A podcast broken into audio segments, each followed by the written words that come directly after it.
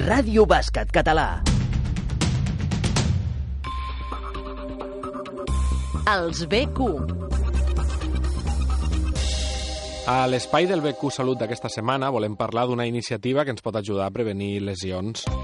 Sílvia Treviño, metge especialista en Medicina de l'Esport i coordinadora del BQ Salut de la Federació Catalana. Gràcies per ser amb nosaltres. Hola, què tal? Porten un any treballant amb clubs d'arreu de Catalunya. Quin era l'objectiu de la investigació? És un projecte que s'està fent en dos anys. L'any passat ens vam dedicar a prendre mesures per poder establir una sèrie de paràmetres importants de cara a orientar a una taula d'exercicis i de recomanacions que s'està elaborant aquest any. A quin tipus de clubs anava dirigida? A tot tipus de club, ja siguin clubs que tinguin només categories de formació o que tinguin categories de formació i amateur, o clubs que estiguin en lligues preferents. I a quines conclusions han arribat? Conclusions com a tal encara no les tenim perquè estem en la segona fase del projecte. La primera fase, que és el que t'estava comentant, ha sigut la presa de mesures. Es van fer una sèrie d'escales de valoracions estàtiques i dinàmiques a través de tota a través de validacions científiques i amb aquestes mesures que hem obtingut a l'equip del DPL, que som uns bons professionals, però que sobretot està liderat per la Cristina Dillon i en col·laboració amb la Montse Gallegos, s'han establert una sèrie de mesures i plantejaments per prevenir aquells dèficits que hem detectat a les mesures de l'any passat. Llavors,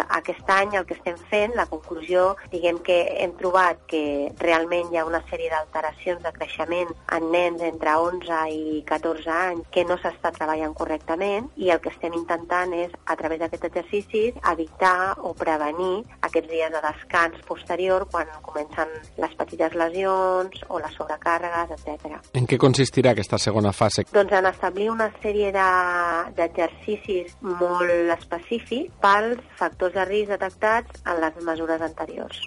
Ja s'està aplicant aquesta segona fase? Sí, vam començar a principis del mes de setembre amb les seleccions cadet catalana i la selecció femenina i selecció masculina. Llavors ja es, va, es van prendre les mesures i s'han començat a, aplicar aquest tipus d'exercicis. S'han donat aquests exercicis que ara hem de veure el seguiment amb, amb els següents mesos doncs, per realment verificar que els exercicis que estem aplicant amb aquests factors de risc són els correctes i, i els indicats. Entrenadors, preparadors físics, fisioterapeutes, metges... Sense una coordinació multidisciplinar, això seria impossible. Efectivament, com sabem que els clubs no tots disposen d'una àrea biomèdica de salut que pugui englobar un metge, que és un superluxe per un club a nivell pressupostari, o un fisioterapeuta o un preparador físic, tot i que nosaltres estem intentant des de Salut que siguin dues figures completament imprescindibles. Sabem que hi ha clubs que només tenen els entrenadors titulars. Llavors estan elaborant dos tipus de programa de DPL, un nivell avançat, que seria en els clubs que tenen o disposen d'aquest tipus de professionals, i un nivell molt més bàsic per tots aquells que siguin exclusivament entrenadors. Com es pot col·laborar amb aquesta iniciativa? Actualment ens estem posant nosaltres en contacte amb els clubs, és a dir, és un projecte que està tancat i que l'única manera de col·laborar in situ presencialment és quan nosaltres demanem ajuda o si el club vol que s'instaurin aquest tipus d'exercicis.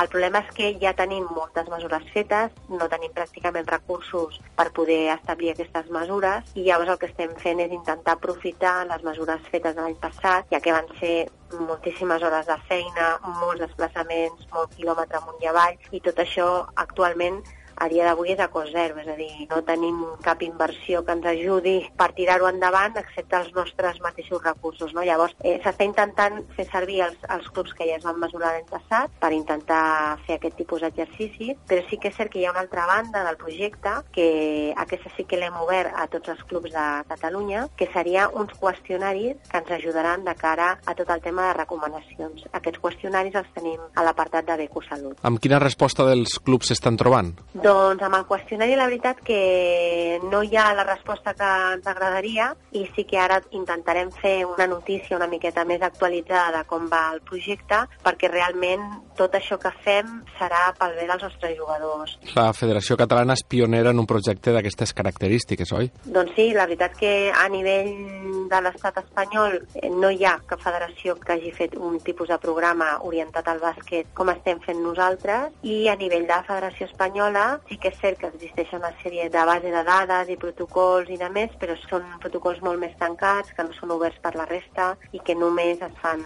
es fan servir a nivell de selecció nacional.